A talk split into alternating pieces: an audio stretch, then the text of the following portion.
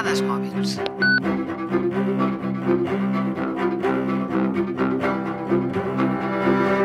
Els Stradivarius són els instruments creats pel luthier de Cremona Antonio Stradivari. Quan va morir el 1737, els secrets i les tècniques que utilitzava per construir-los van desaparèixer amb ell. Segons diuen alguns experts, mai ningú no ha sigut capaç de duplicar el so de les violes, els violins o els cellos que va fer. Un Stradivarius sona així. No, no aquest tipus de Stradivarius. Ara.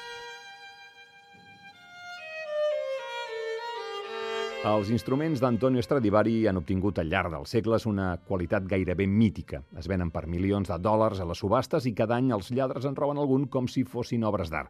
Hi ha desenes de teories sobre el seu so únic, que la seva fusta va ser rescatada de catedrals antigues, que els arbres haurien crescut durant un període de molt baixes temperatures l'any 1750 o que la fusta hauria sigut emmagatzemada sota l'aigua uns anys abans de fer-la servir per construir els instruments.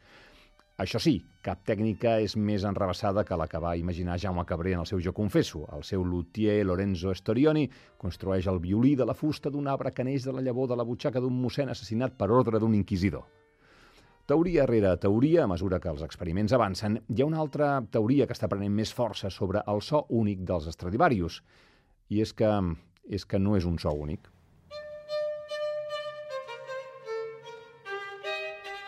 Aquest so de l'Estradivarius és fruit de les tècniques inigualables del mestre Antonio o bé del nostre cervell dient-nos que el so és únic perquè sabem que és un Stradivarius.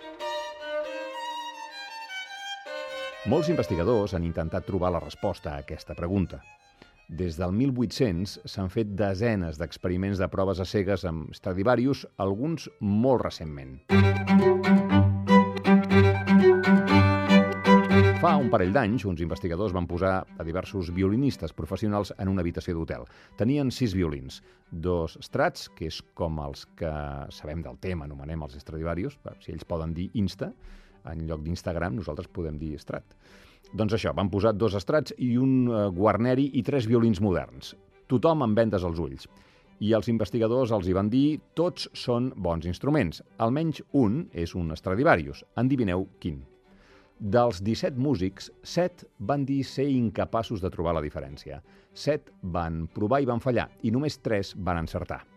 Aquest és el mateix resultat que ha anat donant aquest tipus d'experiments al llarg dels anys. I el que demostren és que per trobar l'explicació del so únic dels Stradivarius, en el fons ens hauríem de fixar més en nosaltres, en la gent, i menys en la fusta.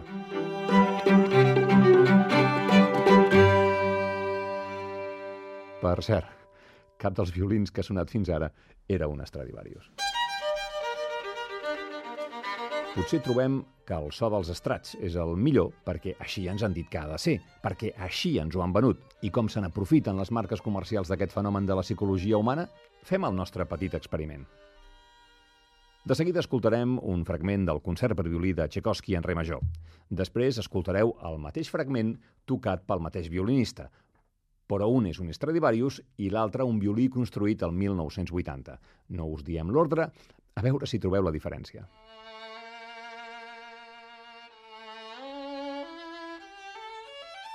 I ara, l'altre.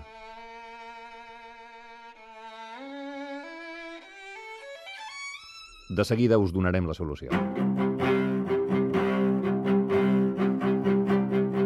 Aquestes proves amb Stradivarius demostren com moltes eh, altres eh, proves de màrqueting, que les marques poden tenir un impacte dominant en els gustos i, per tant, en l'experiència de compra d'una persona. És obvi. Aquest fenomen l'anomenem l'efecte placebo del branding. Les persones, en realitat, no consumim simplement productes físics, sinó conceptes. Comprem experiència, estatus, nom i marca emocional. La gent estarà més atreta per una marca de roba si la bloguera de moda ha dit que és la millor, o donarà una puntuació més alta a un vi si sap que és més car.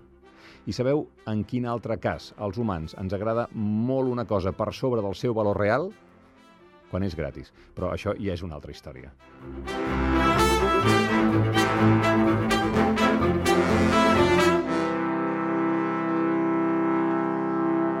Ah, el segon. L'Estradivarius era el segon.